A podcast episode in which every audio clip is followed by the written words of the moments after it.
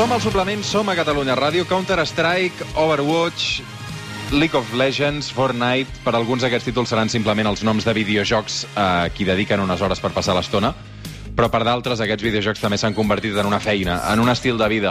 Són professionals que cobren com el millor jugador de l'NBA i que converteixen també en campionats que recullen més espectadors que una final de la Champions. Són els anomenats e-sports, els esports electrònics que estan guanyant també protagonisme no només en el panorama d'internet, sinó també a la vida real. Avui al suplement volem entendre per què i com s'han convertit en el fenomen que són ara. És per això que a aquesta hora saludo el Roger Catalán, que és eh, doncs, expert en eSports, eh, secretari de Gaming.cat i també eh, un conegut jugador. Roger, què tal? Bon dia. Hola, bon dia. Què tal? Com esteu? Uh, molt bé, i tu? Doncs bé, bé, aquí passant el confinament, estudiant i jugant. Jugant, sobretot, eh? Uh, a veure, primer de tot, una, una definició d'ABC uh, per a aquells oients que no estan familiaritzats amb això dels eSports. Què són? Val, els eSports seria com... Intentem fer un paral·lelisme amb el tema dels esports físics, els que coneixem de tota la vida, el que passa és que no juguen en estadis de futbol, no juguen en, eh, llocs de... no juguen en estadis directament, no juguen directament a casa, amb l'ordinador, amb les videoconsoles, i després, doncs, eh, ja que s'ha magnificat tot aquest món, doncs al final es juguen amb estadis, es fan les finals en estadis, però això ha sigut a posteriori. A mesura que han anat passant els anys i que tota la bola s'ha fet molt més grossa, s'ha anat reconeixent eh, com un esport, entre cometes, perquè hi ha bastantes diferències, però ha tingut quasi bé la mateixa magnitud com els esports físics. Parlem de jocs com el Fortnite, el League of Legends, no? Uh, que no són uh, jocs on es jugui esport, sinó... Uh, és a dir, no són com el FIFA, perquè ens entenguem, no? Clar, el fet és aquest, de creure's una miqueta, doncs, eh, que sí que hi ha jocs físics, com el FIFA, l'NBA, eh, jocs de hockey, de rugby, que sí que tenen com un format molt assemblat a les lligues físiques, amb un rànquing, amb unes lligues, eh, internacionals i nacionals, i després hi ha jocs que són més jocs de videojocs, que no són jocs físics, que aquests han d'anar per un altre camí, almenys com parlant de rànquing, de competicions, de partides, d'equips... Tot és un...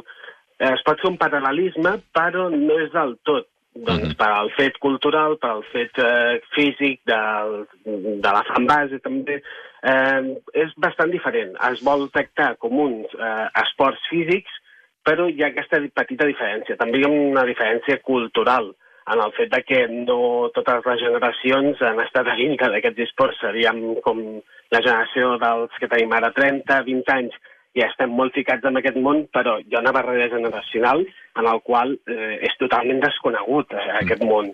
I què comença aquesta barrera? A partir dels 30 anys? Sí, més o menys als 30 anys. Més o menys per, eh, quan va començar tot a eh, Corea, i Estats Units i Japó en el fet de tenir, eh, tenir videojocs en el qual tu podies competir amb els altres. Ja no eren jocs mm -hmm. lineals, sinó que gràcies a internet i a les LANs, part, bueno, a les LANs parties no, a les partides LANs, ja podies competir contra algú altre, de forma individual o de forma d'equip. Mm -hmm. I a partir d'aquí organitzar petits tornejos i a posteriori empreses que organitzessin, o la mateixa empresa del videojoc, que organitzés un campionat amb premis amb diners. Uh mhm. -huh. I a partir d'aquí anar progressant. Clar, tot això és molt recent, però molt recent voldria dir dels anys 80-90. A mhm. partir dels 90 amb StarCraft eh, va fer tot un boom eh, i va arrencar la màquina, de mhm. veritat. Mm. Són un esport o són un negoci? És que hauríem de parlar de no només esport i negocis, també, també cultura. És a dir, jo sempre intento posar l'exemple de que són tres sectors que estan en equilibri. El sector industrial, amb els videojocs i un negoci al qual tu vas a guanyar diners, eh, cultural, doncs perquè al darrere hi ha una cultura d'esports, d'esforç, i de competició brutal, encara que no es vegi, i sobretot també amb el tema d'esports, de, de, eh, compensant cultura i esports, doncs perquè hi ha tot un esforç, hi ha eh, esportistes d'èlit que intenten millorar, intenten veure quines són les millors estratègies, eh, a cada actualització mira quina és la meta, l'objectiu del joc guanyador, i és una roda de tres sectors que no paren. Mm -hmm. Uh, com t'expliques aquest èxit tan, tan, tan immens uh, i que genera tants diners? Perquè ara vull anar també a aquesta part econòmica que em comentes, eh? Doncs mm, crec que jo tinc diverses idees i també molta gent comenta el fet de que sigui per internet, eh, on es fa la difusió, amb streamers, amb lligues que es paga perquè es faci la transmissió. De fet, eh, quan parles d'esports físic, doncs has de pensar en un club, has de pensar en una presència, en uns jugadors físics, en un camp, en venda d'entrades, i si et passes a la part electrònica, doncs són coses que t'estalvies. És a dir, en vez de tenir un estadi, tu el que tens és una, mm, tens un estudi de televisió, com aquell qui diu, que fa un streaming, i és tot el que t'estalvies. És a dir, mm, s'estalvia per aquesta part i canvia una miqueta la filosofia. Tu des de casa, des, de, uh, des del teu menjador, pots veure una final que s'estigui jugant a l'alta punta del món. Abans havies d'anar al camp, havies d'estar allà, havies d'estar unes hores. Ara mateix te sentes al teu sofà i veus la retransmissió. Hi ha un canvi de la idea de lo que és eh, veure els partits eh, directament pel tema de l'espai i el temps i també per l'econòmic. Per això quanta, és... quanta gent pot seguir un partit d'aquesta mena, una final, per exemple? Una, una, una, un mundial de la League of Legends? Sí. Quanta gent la pot seguir?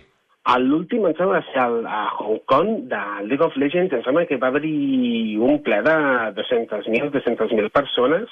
Això són dos no, camps nous, com a mínim. Em sembla, em sembla que menys, de, de, de zero, 100.000 persones. Ara mateix Un camp nou. no tinc les dades allò...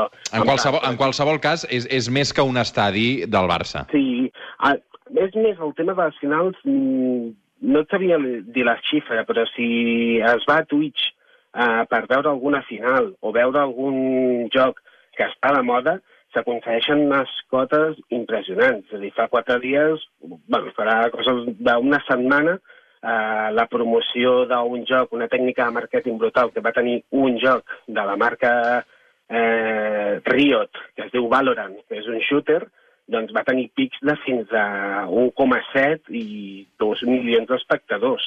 Mm. I va estar constant durant una setmana per, solament per una tècnica de màrqueting, per joc nou i per la fama que té l'empresa. Mm -hmm. um, I qui participa en aquests mundials? Ja, que, entenc que parlem de jugadors professionalíssims, sí. no?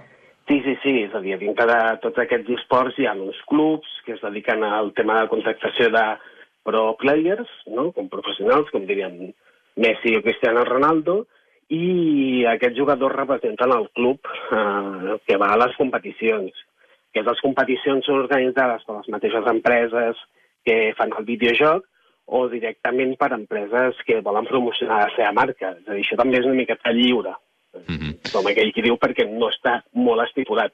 En el territori espanyol no està molt estipulat.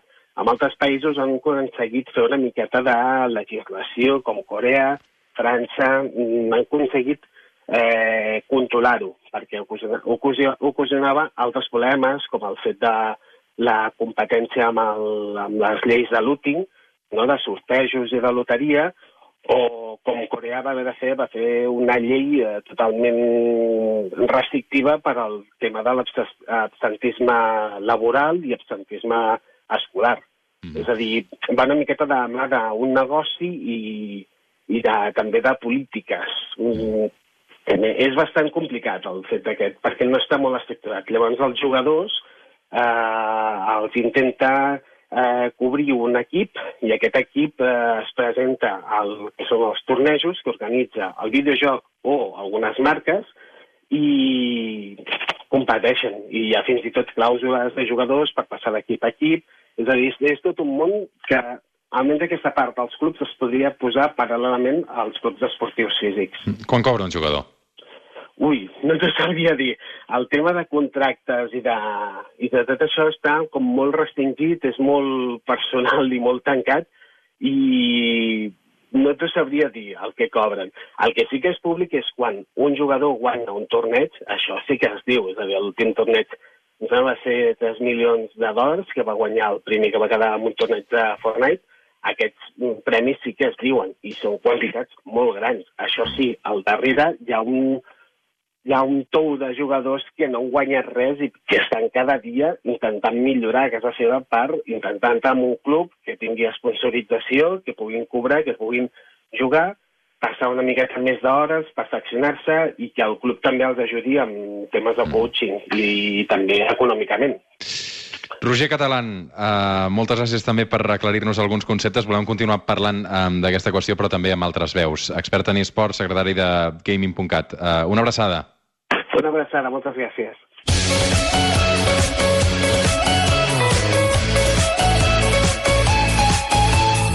Com ara comentàvem amb el Roger Catalán, amb els eSports, eh, passa eh, com amb l'esport professional, que molts somien amb arribar a guanyar-se la vida amb ells, però pocs ho aconsegueixen. Un dels jugadors que sí que ho ha aconseguit és el Fernando Martínez. El podem saludar a aquesta hora. Fernando, ¿qué tal? Buenos días. Hola, buenos días, ¿qué tal? Tú eres conocido como uh, Fer Perry, ¿no? Sí, ese es mi nick, por el que me conocen. Uh, ¿Cuántos años llevas jugando? Pues llevo jugando bastantes años. Bueno, a las consolas desde que era pequeñito, pero compitiendo llevo unos 10 años. ¿Cuántos años tienes ahora? Tengo 25. 25, eres joven. Sí, soy jovencillo aún. ¿Y, y en relación al resto de jugadores, eres joven o no tanto? Digamos que estoy ya en la etapa final de mi carrera. O sea, 25 la... años ya es el, el, eh, estás un poco como un tití, que se nos lesiona cada día, ¿no? um... un poquito así, sí. Uh, Sobre uh... todo porque la mayoría de jugadores ahora, por ejemplo, hay, ha crecido mucho el sector y los jugadores empiezan con 15, 16 y empiezan a tener contratos profesionales sobre los 18, 19. Entonces yo ya llevo una carrera muy larga. ¿Y por qué son tan, tan rápidos, 15, 16 años? ¿Porque um, tienen más agilidad? Uh, ¿Es una cuestión de...? ¿Por qué? Yo creo que más que agilidad es que tienen más frescura mental y ya cuando llevas muchos años compitiendo pues vas perdiendo esa frescura. Aparte que no es lo mismo un, un chaval de 18 años tampoco no tiene tantas responsabilidades que a lo mejor yo con mi edad, que ya vivo con mi pareja, eh, tienes que pagar un alquiler, entonces eso a la hora de jugar pues no estás tan fresco. Al final que un chaval de 18 años pues estudia y solo tiene que dedicarse a jugar, uh -huh. básicamente. ¿Tú cuántos años llevas jugando? Más de 10 me has dicho, ¿no? Profesionalmente, digo. Profesionalmente llevo dos años en S2V.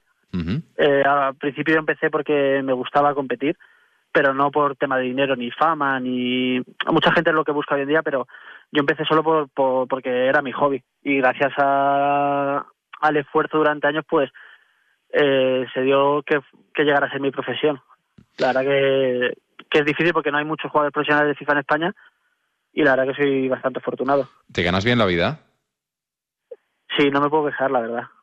¿Te puedo, que... te, te puedo preguntar cuánto cobra un jugador um, de eSports profesional, uh, más o menos? Pues depende de muchos factores, porque mm, tú, por ejemplo, puedes tener un contrato con un club que te da tu nómina, tú estás regular como cualquier trabajo, pero luego aparte depende de si tú haces streamings, eh, juegas torneos, o sea, no es un salario fijo, depende también luego si te, tú te mueves puedes ganar más dinero, pero vamos, en España yo te puedo decir que un jugador de FIFA está entre mil a cinco mil, seis mil euros, que pueden llegar a ganar los que están más arriba uh -huh. al mes. Mm, ¿Qué te dijeron tus padres cuando supongo que un día les contaste, mira, yo voy a ser jugador profesional um, de videojuegos uh, y voy a participar en una liga que se llama eSports? Um, porque, ¿Tu especialidad cuál es exactamente? Eh, pues la verdad, yo estudié cocina porque era la otra cosa que, que tengo devoción. A, aparte son muy parecidas porque en la hostelería también en la cocina tienes, en los servicios tiene mucha presión, uh -huh. que es como en la competición. Y nada, mis padres pues al principio es raro porque, por ejemplo, ahora está más asentado, pero yo, yo cuando empecé pues, claro, era te, te quitaba mucho tiempo, y no estaba profesionalizado como hoy en día. Entonces, pues es algo difícil. Al fin y al cabo, tus padres pues quieren que, que hagas una, estudies una carrera normal y que tengas un trabajo normal. Pero con el tiempo lo han aceptado, luego han visto que me ha ido bien y que soy feliz y entonces pues lo respetan y me apoyan. Uh -huh. um, pero claro, supongo que fue difícil también este proceso, ¿no? De, de, de, que no te vieran como un bicho raro, a lo mejor. Sí, es difícil. Sobre todo también me acuerdo mucho en, en, en, en la escuela, los profesores, cuando estaba en bachillerato, pues que les decía, voy a viajar esta semana a un torneo a Valencia y me decían, joder, las maquinitas, y las maquinitas nunca vas a llegar a vivir de las maquinitas. Mm. Y, a ver, en esa época, pues, no estaba como ahora profesionalizado y era difícil, pero yo, yo confiaba y gracias a Dios, pues, tuve la suerte de, de hoy en día poder vivir de esto. ¿Tú entrenas? Sí, tenemos unos entrenamientos, tengo, tengo un coach. ¿Así cómo se llama? Que, eh, Joaquín. Uh, Joaquim Però... Rodríguez, bon dia, buenos días. Sí. Hola, buenos días. Que no sé si feia molt temps que no parlaves amb el Fernando, esteu entrenant aquests dies a tope, no? Sí, sí, sí, sí. Nosaltres, per nosaltres la pandèmia ha, ha estat menys que per altres sectors, ja que com ho fem quasi tot online, eh, hem pogut entrenar i competir més o menys de forma normal. Uh -huh. um, què, què, què suposa un entrenament uh, d'un jugador professional d'eSports? Quantes hores són al dia? Um, com, com, com és fer d'entrenador i tenir un jugador al teu càrrec? A veure, no en tinc un, en tinc tres. Uh -huh. vale? en el mode 1 contra 1 i en el, en el mode 11 contra 11 de Clubes Pro en tinc, en tinc bastant. Tu ets entrenador del FIFA, entenc, eh?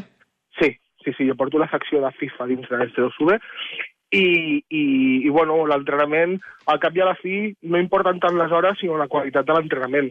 Uh -huh. El FIFA és un joc que és diferent als altres perquè no només has de saber jugar, sinó has de controlar una molt important com és el mercat. El mercat de compra i venda de jugadors perquè així eh, t'estalvies molts diners durant, durant la temporada. Llavors, bueno, has d'estar tot el dia mirant el mercat, eh, les actualitzacions del joc per poder jugar dins del que és el meta. Eh, bueno, és, és un entrenament que no és només jugar, jugar, jugar, sinó porta d'altres coses. Uh -huh. uh, per exemple, um, quines feines fas amb el, amb, el, amb el Fernando aquests dies? Uh, jugar partits, mirar repeticions dels rivals... Uh, aquests dies també les competicions estan, uh, individuals estan parades, Uh -huh. vale?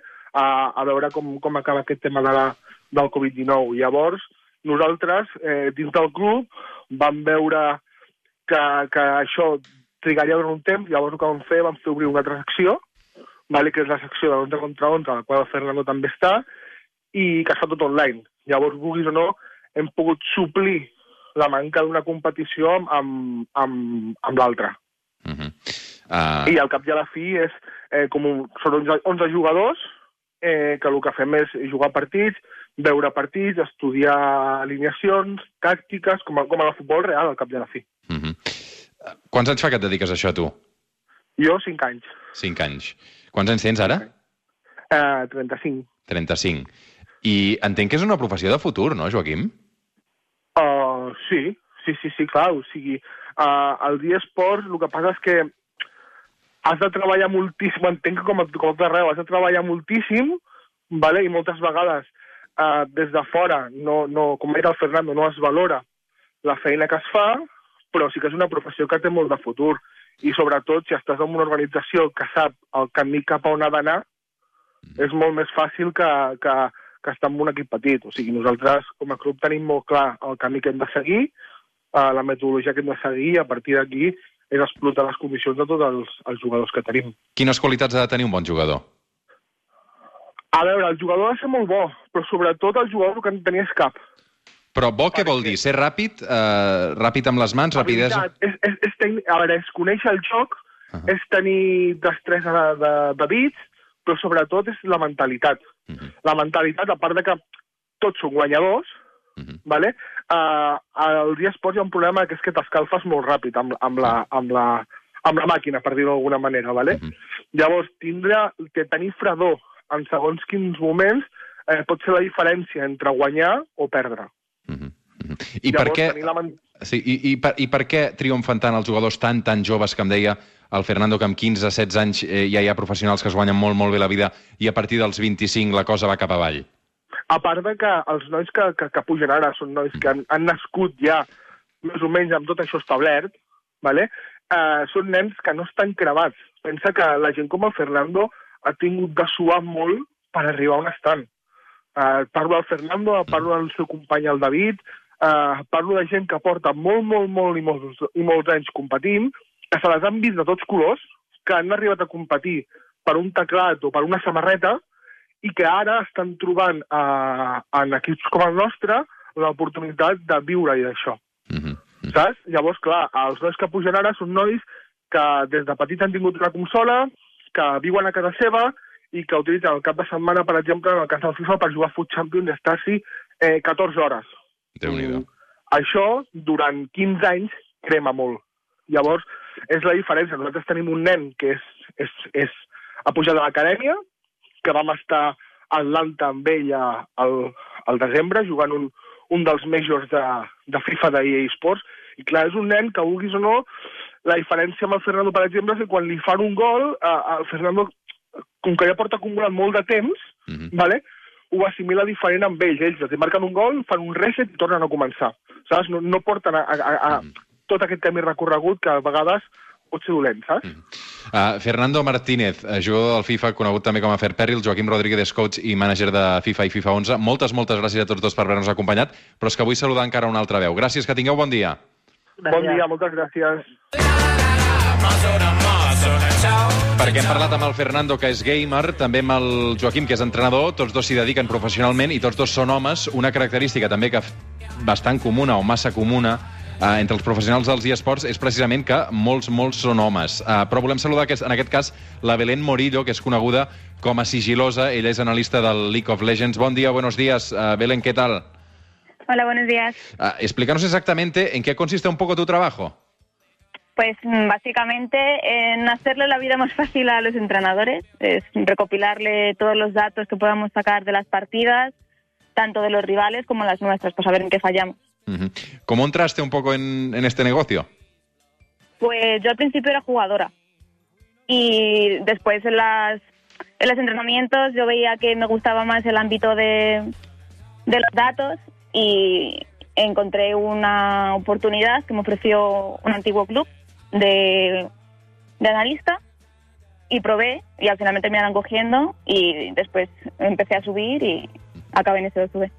¿Hay muchas chicas trabajando? No, somos muy pocas y más metido en lo que viene siendo entrenador, analista y jugador, no hay nadie. ¿Por qué? No se sabe muy bien si es por el odio que nos tienen, porque muchas veces es, oh Dios mío, es una mujer, tú no vas a saber, sin siquiera saber cómo trabajas, o por el mismo rechazo nuestro de decir, no queremos intentarlo por el qué van a pensar. Mm, tú eres especialista en, en, League of Legends, ¿no?